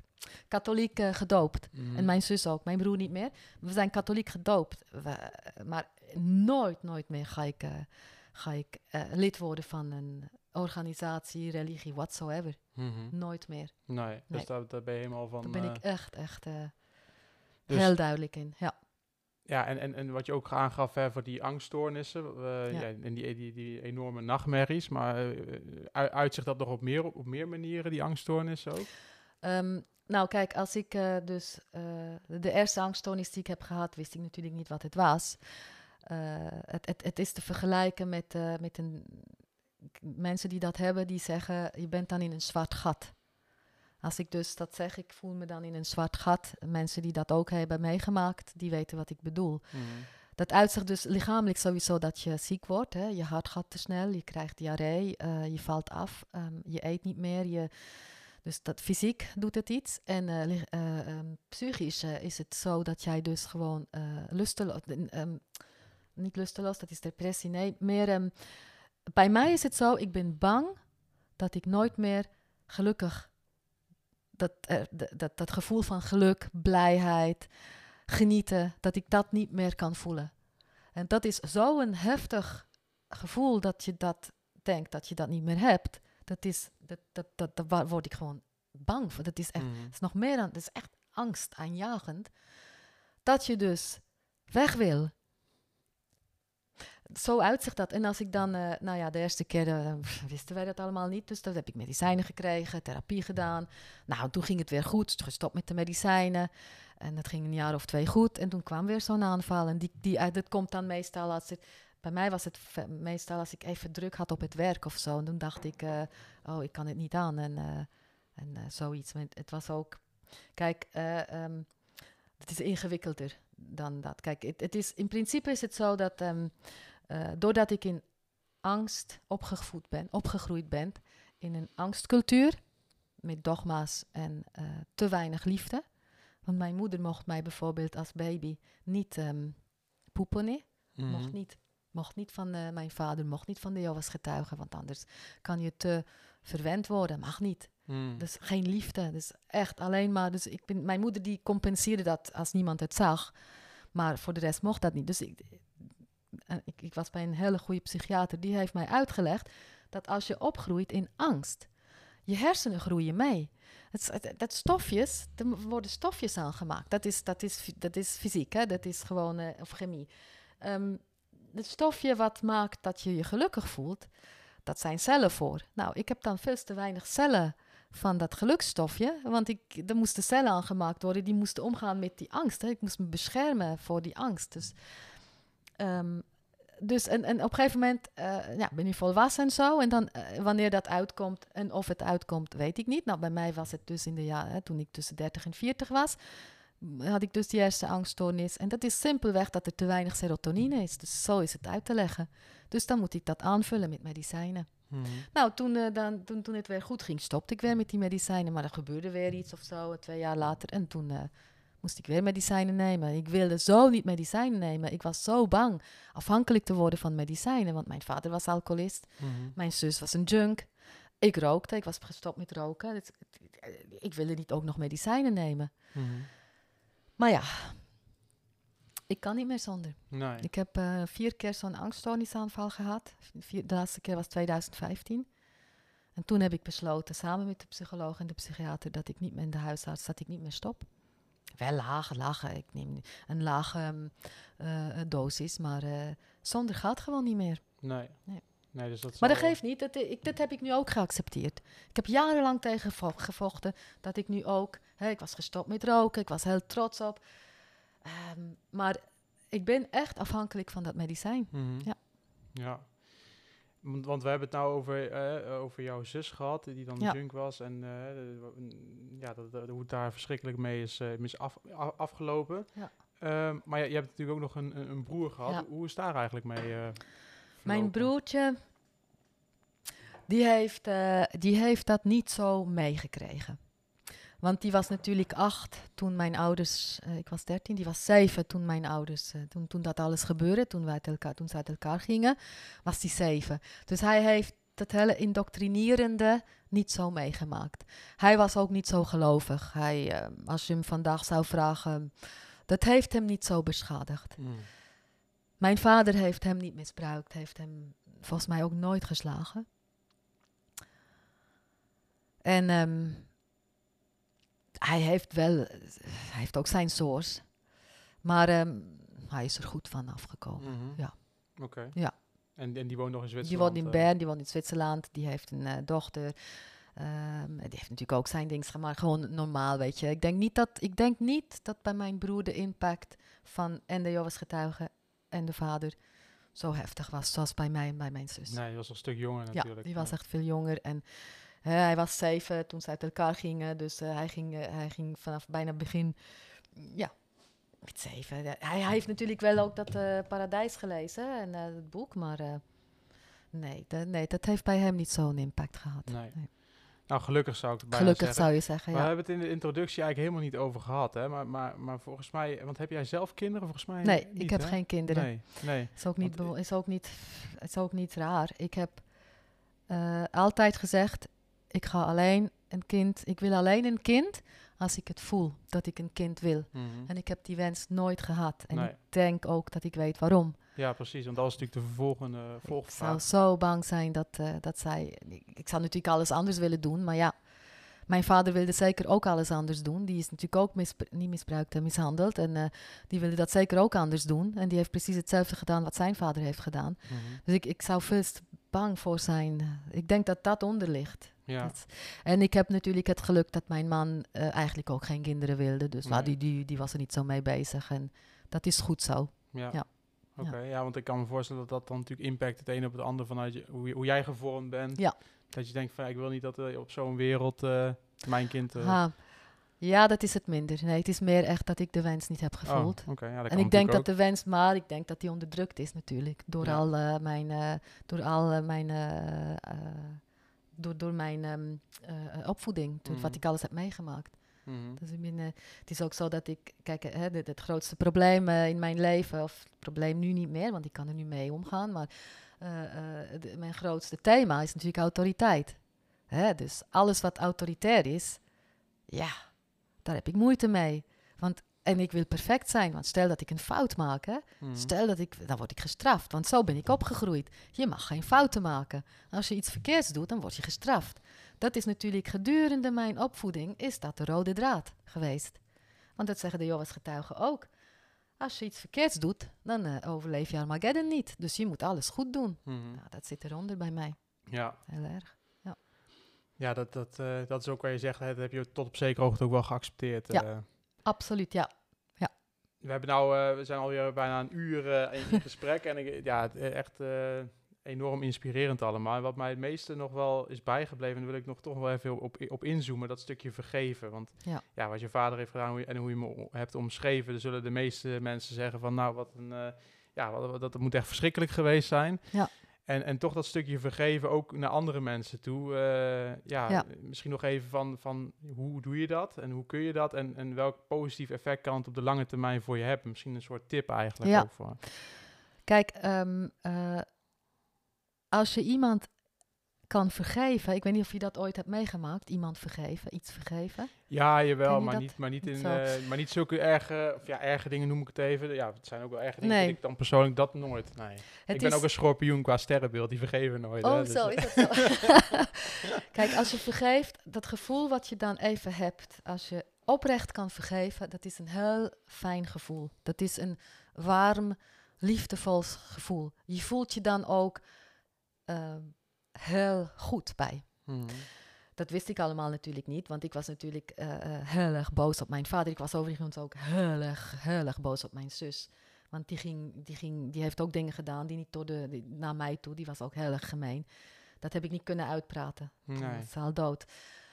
Ehm, wat doe je als je probeert te vergeven? Kijk, bij mij was het zo. Mijn vader, ehm, eh, ik was, die, had, die was overleden en die heeft door de pensioen, eh ze heeft een hele goede pensioen gehad. Dat eh, hebben wij geërfd. Hè? Dat was heel veel geld. En eh, dat was in 99 en eind 99 zijn wij hier geëmigreerd. Dus ik, dat was heel fijn. Ik had een beetje iets om mijn leven hier, om ons leven hier te starten. We konden vrij snel een huis kopen en zo. Nou, ehm, mijn vader heeft ons dat nooit gezegd. Dat wist ik niet, dat dat geld er was. En ik weet nog, dat was, ik denk, ah, 2003, 2004, dat weet ik niet meer precies. Maar ik was op de fiets. Ik fiets, ik fiets altijd tijdens de lunch, fietste ik. En ik was op de fiets en ik, ik weet ook niet waarom. Ik ging over dat geld nadenken. En ging over nadenken dat mijn vader ons dat nooit heeft gezegd. En ik dacht, nou, misschien was dat een soort goed, goedmaking, zeg maar. Dat hij wist, als ik dan dood ga, heb ik tenminste, heb ik dan dat tenminste goed gedaan. Mhm. Ik heb heel veel niet goed gedaan met mijn kinderen, maar dat heb ik tenminste goed gedaan. Dat als ik dood ga, dat ze dan iets krijgen. Materiaal gezien, hè, geld. Mhm. Dan ging ik zo, was ik op de fiets en het was mooi weer. En ik ging zo over nadenken en ik ging zo naar boven kijken. Het is ook interessant, hè. Ik geloof niet in de hemel, hè, maar ik ging wel naar boven kijken. Mhm. En ik, ik, zag, ik dacht zo, weet je, eigenlijk is dat eigenlijk, dankjewel.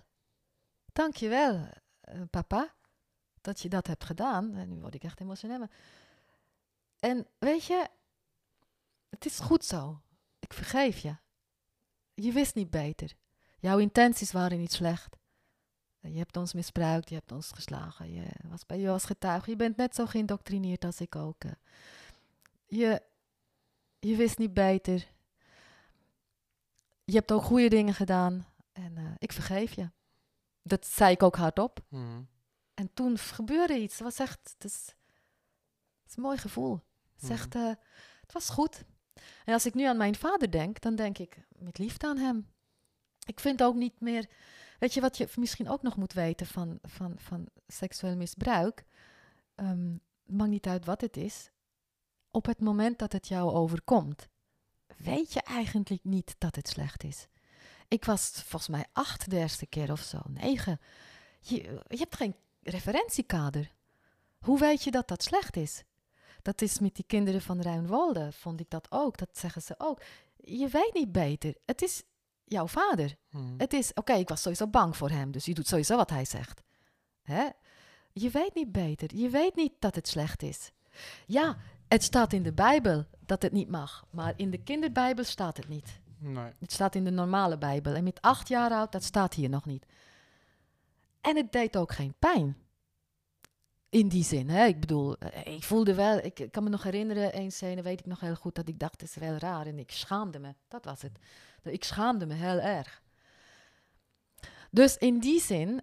ehm, eh, eh, ik wil het absoluut niet relativeren. Hè? Dus ik ben dus een slachtoffer, zeg maar. Of ik, ben dus, ik heb dat meegemaakt. Mhm. Het gaat niet om relativeren. Het gaat erom dat ik besefte dat, ehm, dat hij dat. Hij, ik denk niet dat hij dat gewoon bewust deed. Ik denk niet dat zijn intentie slecht was. Hij was gewoon zelf een. s- Nou ja, wat hij zei, hè? Zijn, zijn vrouw die niet meer met hem wilde en, en, en zijn kinderen die Natuurlijk, als volwassen persoon weet je dat dat slecht is. Natuurlijk. Nou ja, anyway, ik, ehm, ik heb, ik, ik, ik, als ik aan mijn vader denk nu, dan denk ik met liefde aan hem. Ik, ehm, hij wist gewoon niet beter. Nee. En dat, dat maakt dat jij het kan loslaten. Dat maakt dat het niet meer zo'n lading heeft. Dat maakt dat ik, dat maakt voor mij dat ik, ehm, ik ben trots op mezelf Mhm. dat ik dat heb kunnen doen. En met mijn zus ongeveer hetzelfde. Ik was heel erg boos op haar. Ik kon haar niet vergeven. Ik, als ik aan mijn zus dacht, dan werd ik boos. Ze heeft dingen gedaan die niet fijn zijn. Ze heeft mijn vader dingen verteld die niet kloppen om geld van hem te krijgen. En ehm, over mij gewoon dingen gezegd die niet kloppen. Maar ja, ik kon het niet meer recht praten met haar, want ze was dood. En ook daar, daar was ik met, mijn, met Maud, met mijn vriendinnetje Mhm. in de sauna. En op een gegeven moment, en we hadden het weer eens daarover. En op een gegeven moment zeg ik: Weet je wat? Zij wist niet beter. Zij heeft dat gedaan omdat ze geld nodig had. Ze wist dat mijn vader geld no- aan haar zou geven. Ze wist dat mijn vader moeite heeft met de familie. Dat had hij altijd al, met de familie, die, mijn oma, mijn opa en zo. Ze wist dat ik geen contact meer had met mijn vader. Ze wist en, en, en allerlei zulke dingen. Ze moest geld hebben, dus ze deed dat wat ze op dat moment voor juist deed om voor haar op te komen. Mhm. Ze wist niet beter. Ik vergeef haar. Dat zei ik echt zo, ik vergeef haar. En op het moment dat je dat zegt, en oprecht, hè, het moet natuurlijk oprecht zijn, Mhm. en het was oprecht, begon ik weer van haar te houden. Nou had ik met mijn zus nooit echt een zus, zusliefde. Hè. We, we hadden altijd ruzie. Of we waren samen, we spanden samen om, eh, om, om iets voor elkaar te krijgen. om op stap te gaan of zo. Maar het is niet zo dat zij mijn vriendin was. Maar nu als ik aan mijn zus denk, dan denk ik met, met, met liefde aan haar. Ja, ze- het is verschrikkelijk wat, wat haar is overkomen, weet je. Ik, ik ben 58, ze werd alleen 30. Dus vergeven is, is mooi. Ja, is heel zeker. mooi. Ja, Ja. als, als, eh, als dan letterlijk ook, of figuurlijk, zeg maar 30 kilo van je afvalt, ook Ja, wel- dat is het. En je kan het dan loslaten. Ik voel me ook niet meer een seksueel misbruikt slachtoffer. Nee. Het is Dus mij overkomen, ja, het is gewoon zo. En het, Ja, dat zou ook, eh, misschien is dat dan ook jouw tip naar andere mensen die daar om daar Ja. zo... Nou, mijn tip, als we, want dat was ook een vraag die je mij had gezegd dat je dat ging vragen. eh, als ik wat voor een tip zou, dat ik zou geven aan anderen, dan hangt het ook vanaf. Kijk, tip, dat is zo'n woord. Hè. Ik, eh, het, is, ehm, het hangt ook vanaf aan wie. Kijk, de Jehovah's-getuigen die in, de, in, die in, de, in hun bubbel zijn, in de, gemeen, in de organisatie, die kan ik niet bereiken. Die, die, voor hun ben ik natuurlijk Satan. Hè? Ik ben beïnvloed door Satan. Ik ben de buitenwereld, de boze buitenwereld. Die bereik ik niet. Ik bereik alleen mensen die daar zijn en twijfelen. Die bereik ik eventueel. En ik bereik ook mensen die dus eh, eh, eh, weg zijn gegaan en nu enorm veel moeite hebben, enorm verdriet hebben, omdat ze hun familie zijn verloren, omdat die daar nog zijn. Of worstelen met het leven buiten de bubbel. Want kijk, als je in de bubbel bent, dan is alles wordt voor jou gedaan. Je bent dan, hè, het is, is safe. Als je daar buiten bent, het is, je bent heel erg kwetsbaar. Zulke mensen die bereik ik. En mijn tip aan die mensen is echt lees, lees, lees dat boek. Raymond Frans, Gewetensconflict. Mhm.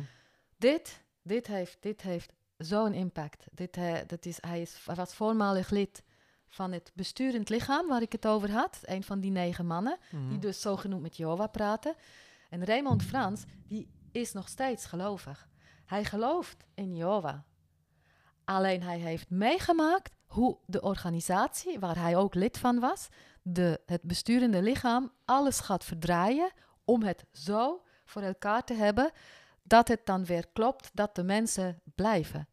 Want zoveel is onzin, zoveel klopt niet. En Mm. zoveel is gebeurd wat niet waar wordt. Hè? Eh, Aangekondigde Armageddons die dan niet gebeuren. En dan moet je alles weer gaan veranderen. Eh, Jo was getuige in de Tweede Wereldoorlog. Ehm, dat, daar was ook een heel verhaal over. Dat ze dus met de nazi's zijn gaan onderhandelen. En, en weet ik wat allemaal. Heel veel om gewoon de organisatie in stand te houden. En nog meer dogma's en nog meer eh, eh, eh, dingen.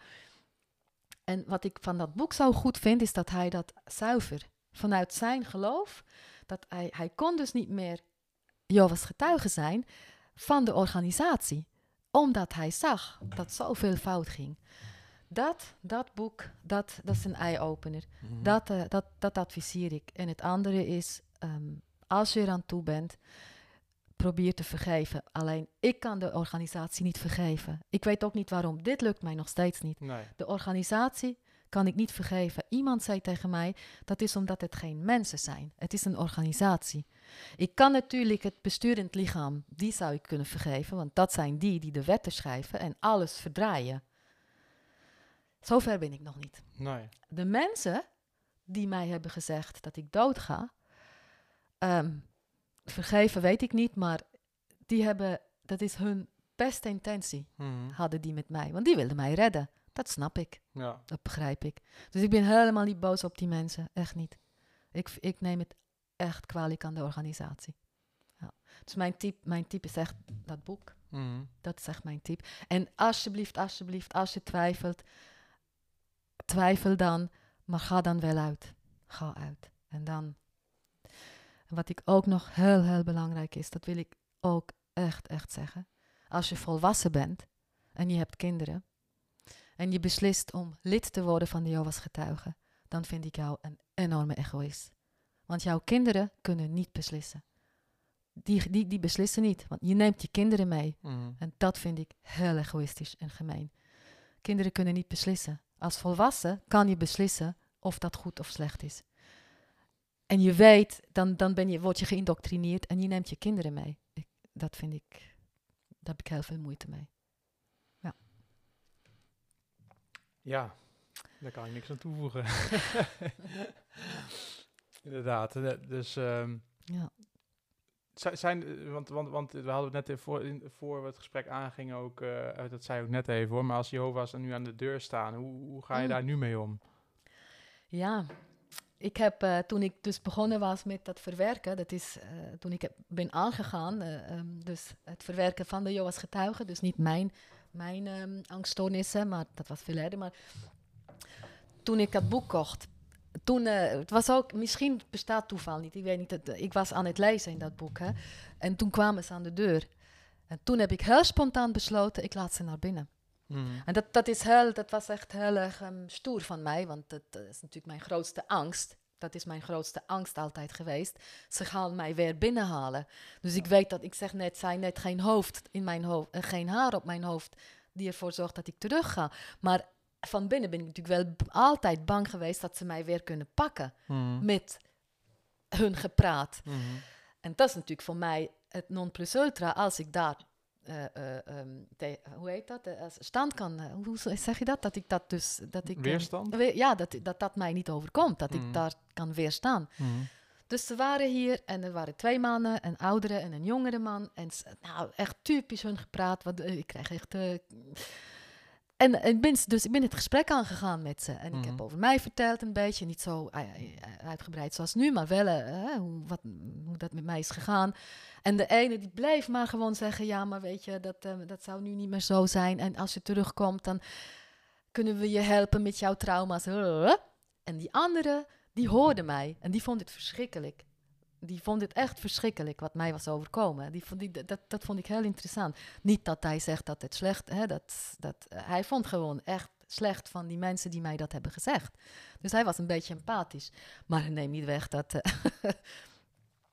je, je, je- ik win het niet van hun. Nee. Ik ben veel te indoctrineerd. Ik, Ja. vind veel te, ik, kan, ik, ik heb wel een paar argumenten kunnen aangeven van het boek waar ze stil van werden. Dat vond ik heel interessant. Wat ze dan doen is gewoon, ze zeggen dan, hij heeft gelogen. Dat is dan hun, ze zeggen, Ja. dat is niet waar wat hij zegt, dat is helemaal niet waar. En dan hoeven ze ook niet meer inhoudelijk Nee, te reageren. precies, ja. En dan gaan ze gewoon, leiden ze weer af met wat hun geloven. En, ehm, alleen, kijk, er zijn veel meer boeken geschreven over de Jehovah's getuigen. En eh, wat mij hier bij Raymond Frans zo heeft geraakt, is dat, dat hij dus gelooft nog steeds in de waarheid. Volgens zijn waarheid en niet volgens de Jehovah's getuigen Mhm. waarheid. Overigens de, is de vader van Raymond Frans, die heette, ik weet niet meer hoe die heette, dat, hij was eh, heel lang de president van het besturende lichaam. Dus dat, en, en, en, en Raymond Frans is ehm exclu. Die is dus, eh dus een afgevallige Mhm. toen hij dat boek eh, schreef. Dus is echt, is echt interessant. Ja, zeker. Nee, dat, eh, dat, is, Ja. dat is ook nog goed. Ja, de reden waarom ik het ook vroeg is, hè, van, die, van die tips en hoe zouden die mensen die je nu dan spreekt daarop reageren. Maar dan meestal denk ik een beetje afwijzend, kan ik me voorstellen. Ja, de Van, nee, dat- getuigen ja? Ja. ja. Nou, ze, nou, ze zeggen gewoon dat is Satan, dat is... eh, dat hij is hij, ze zeggen dan Raymond Frans is, eh, is ehm, eh, eh, beïnvloed door Satan. Mhm. Satan heeft hem eh, gehaald, zoiets. Dat is makkelijk natuurlijk. Ja, dan hoef je ook niet echt inhoudelijk. Want als, ja, als je inhoudelijk Satan zegt, iedereen vindt eh, Satan eng. Dus ja, laat, ja. Maar, re- laat maar, laat Ja, maar, eh, laat maar zitten dan, eh, inderdaad. Ja. Ehm, ja, ja, tot slot nog even. Hoe, hoe, is nu jouw, eh, de- hoe ziet jouw toekomst er voor nu uit, eh Christian? Ja, dat is een hele goede vraag. Kijk, want ik heb natuurlijk geen geloof. Mhm. In die zin dat ik, ehm, eh, hoe moet ik dat zeggen? Dit is mij nu ontnomen. De Mhm. Jehovah's getuigen hebben mij natuurlijk hoop na het leven ontnomen. Dat betekent dat ik, eh, eh, ik geloof niet in de Jehovah's getuigen meer. Want ik, eh, hè, dat is een organisatie die gewoon zomaar wat iets roept. Dat Armageddon, dat geloof ik ook niet meer. Mhm. Behalve dat kleine stemmetje dan. Ja. Hè? Maar wat geloof ik dan? En dat is een hele lastige voor mij. Waardoor ik dus ook, ik denk dat de angststoornissen, dat is ook natuurlijk een gevolg van dat ik bang ben voor de Mhm. dood, omdat ik niet weet waar ik terecht kom. Mhm. Ik weet niet wat er gaat gebeuren. Kijk, als je gelooft dat je in de hemel komt, als je katholiek bent, of dat je gelooft als ik zo'n domme dingen doe, hè, slechte dingen doe, kom ik in de hel, maar dan weet je waar je aan toe bent. Mhm. Of boeddhistisch, dat vind ik iets moois bijvoorbeeld. Hè? Die geloven in de reïncarnatie. En dan weet je waar je aan toe bent. Ik weet het niet. Dus ik ben een, dat, dat is een groot probleem eigenlijk altijd geweest. Dat maakt die angststoornis. Dat heb ik dus alles met de psychiater, heb ik dat natuurlijk alles geanalyseerd. Ik weet dat nu, dat dat een, een, een issue is bij mij. Dat ik dat heb. Dat ik enorm bang ben voor de dood, omdat ik niet weet wat er gaat gebeuren. Dus ik zou het heel mooi en fijn vinden voor mij als ik daar ergens iets kan vinden om daar tegenover te zetten, ehm, dat ik die angst niet hoef te hebben. En dan moet ik zeggen, ik moet wel een beetje relativeren, want die angst heb ik alleen als ik het erover heb. Hè? Dus ik, wat ik heb besloten is dat ik gewoon accepteer dat die angst er is. En als het dan zover is, ja, dat zie ik dan wel. Dat is wat ik nu eh, voor mezelf zeg. En ga pro probeer gewoon eh, naar dat te leven. Dus als die angst omhoog komt, als die komt, dan dat ik zeg, ja, niemand weet het. Niemand weet het, dus ook Nee. jij niet. Je Nee, ziet het dan wel. En dat, dat helpt wel een beetje. En ik heb natuurlijk wel, kijk, eh, ik heb heel veel geleerd. En eh, niemand weet het, niemand weet het. Ik, ehm, dat is wat mij helpt. Niemand weet het. Mhm. Zien wel. Ja. En, eh, en, en ja. Maar voor de toekomst, ik, ik, ik- soms dan denk ik, het zou misschien ook interessant zijn om, om met mensen te praten, om ze te helpen. Eh, als ze dus zo ehm, niet weten, eh, ze zitten zo in een situatie waar je dus, eh, je wil eruit, maar je bent heel bang. hè. Misschien zulke mensen coachen, dat zou misschien wel nog een idee zijn, maar Mhm. daar ben ik nu niet mee bezig. Nee. Nee, ja, goed. Ik denk, ik denk dat, eh, dat sowieso met dit verhaal ga je al mensen bere- bereiken en benaderen en inspireren. Ook, of je, of je Jehovah-getuige bent of niet, dat maakt Ja. dan nog niet eens uit. Nee, dat klopt, ja. ja. Dus ik denk dat eh, in ieder geval, mij heb je in ieder geval heel erg geïnspireerd. en die, die, die 50 luisteraars die er naar luisteren ook. 50. Misschien wordt het meer, wie weet. ja, ja, dat. Komt, dat komt vanzelf. Ja, Dus, eh, zeker. Ja. zeker, zeker bij deze podcast. Dus, Ja. Nee, absoluut. eh, Ja. Dus daar ben ik je ook enorm dankbaar voor. Ehm, echt een enorm eh, bijzonder verhaal. Echt eh, heel stoer dat je het wilde, wilde delen. Dankjewel. Ehm, ja, ik, ik, ik ben er af en toe een beetje stil van. eh, dat, dat, dat, dat, dat ik denk van wow. Ja, ja, Ja. ik snap dat. ja. als, dus, ik, me- als ik dat zo hoor, als ik me hoor praten, wat, wat ik alles heb meegemaakt, ja, dan denk ik ook zo, jeetje, Ja. wat heftig allemaal. ja. En ik ben, ik ben wel heel erg trots dat ik, ja, dat ik, dat ik een goed leven heb. Mhm. Misschien heeft mij dat allemaal sterker gemaakt. Dus, Ja, ik denk dat dat in ieder geval wel een van de betere manieren is om ernaar te kijken, Ja. kan ik me voorstellen. ja, ja, ja, ja, ja, Ja. ja. ja. Want, want hoe vond je het dan? Om het, want je, je gaf aan, hè, soms eh, als ik het erover heb, dan doet het nog wel bepaalde dingen. Hoe, hoe vond je het nou om, om dit, eh, deze podcast te doen? Ik merk, het is continu wel, eh, ja, ik vond het heel fijn Dat als eerste. Het is altijd fijn als ik erover kan praten. En, en nou ja, dat kleine stemmetje, dat, dat is er wel. Ja. Ja, dat is Ja. er wel. Ja. ja. En, eh, en, en, en oké, dat is dan zo. ehm, dat mag er zijn, weet je. Dat, dat is wat ik wil. Ik wil dat, dat hoort bij mij. Het is, ook, het is ook logisch. Wat een indoctrinatie, joh. Het is echt logisch. Het is logisch. Je bent zo, je bent, het is zo in je onderbewustzijn vastgestampt. Mhm. Ja, zeker als kind. Hè. Als kind, je wordt ja, het meest gevormd van 0 tot 4, geloof ik. Word je het meeste gevormd. ja. Dus en dan ja. weet je, hè, ik bedoel, dat paradijsboek, hè, dus ik, dan ben je vijf, zes. Hè, je begint, dus, wanneer begin je te lezen? Vijf, zes jaar oud of Zoiets, zo. ja. Moet je kijken. Dit is Armageddon. Dat zie je als zesjarig kind. Ik vind dat verschrikkelijk. Ja. Dat is toch erg? Dit is zo, zo angstaanjagend, dit. Ja. Dus Ja, gewoon, gewoon de aarde die open gaat en de mensen die daar in die, in die gaten vallen, vuur van de hemel, eh, eh, eh, angstige, angstige gezichten en mensen die in die gaten vallen, daar een auto, een strap en een fiets. Dit is zo verschrikkelijk. Ja. ja, daar wordt die angst er goed ingeprent, Ja. eh, inderdaad. Ja, ja. Nou, no wonder dat, dat, dat, dat, dat ik geïndoctrineerd ben. Maar ja, ik weet het. Het is, ik accepteer het. En het heeft mij in ieder geval niet ehm, eh, eh, behinderd, eh, gehinderd dat ik gelukkig kan zijn. Mhm. Dat is eigenlijk de boodschap. Nou, dat is een... eh, dat, eh, beter had ik hem zelf niet kunnen afsluiten in ieder geval. Dank je wel. Nou, nogmaals, enorm Ja. bedankt. En eh, echt enorm inspirerend. Echt, je- bent echt een topper. Dank je wel. Ja, dat meen ik echt. Ik Oh, ken, jou, ik dankjewel. ken jou nou pas een uur of twee. Mout, via Mout ben ik, Ja. jouw vriendin, ben ik natuurlijk bij jou terechtgekomen. En eh, nou, ik ben in ieder geval helemaal fan eh Dank je geworden. wel. Oh, wat lief. Dank je wel. ja. Top. ja, dus enorm bedankt. Ook iedereen eh, weer bedankt voor het luisteren. Mocht iemand nou nog een andere gast hebben die zijn levensverhaal ook wil delen, dan laat het maar even weten. Ehm, en ehm, ja, ook bedankt voor het luisteren uiteraard. En ja, tot de volgende keer. En nogmaals, Christian, enorm bedankt. Graag gedaan.